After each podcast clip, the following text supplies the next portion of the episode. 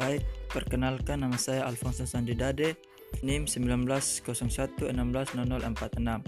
Di sini saya akan menjelaskan jenis layanan bimbingan konseling mencakup tujuh aspek, yaitu satu layanan orientasi. Layanan diberikan pada siswa untuk dapat lebih mengenal lingkungan sekolah yang baru dimasuki. Dua, layanan informasi.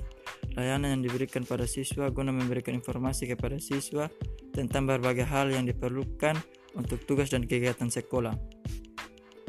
Tiga, layanan penempatan penyaluran, membantu dan menempatkan siswa pada bagian yang sesuai dengan bakat dan minatnya. Empat, Empat, layanan pembelajaran, membantu siswa mengembangkan sikap dan kebiasaan belajar yang efektif dan penuh makna. Lima, layanan konseling individu.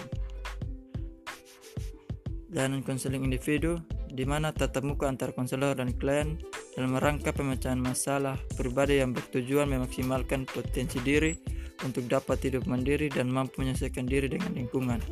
6. Layanan konseling kelompok.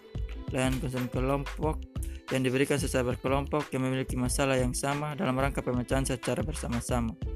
7. Layanan bimbingan kelompok. Layanan yang diberikan kepada sekelompok siswa yang baik yang memiliki masalah ataupun tidak. Sekian dan terima kasih.